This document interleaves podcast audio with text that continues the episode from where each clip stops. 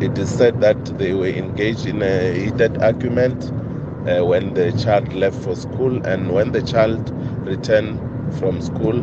she discovered the place where they reside was locked, and the neighbors assisted um, to gain entry. It was during this time when they discovered that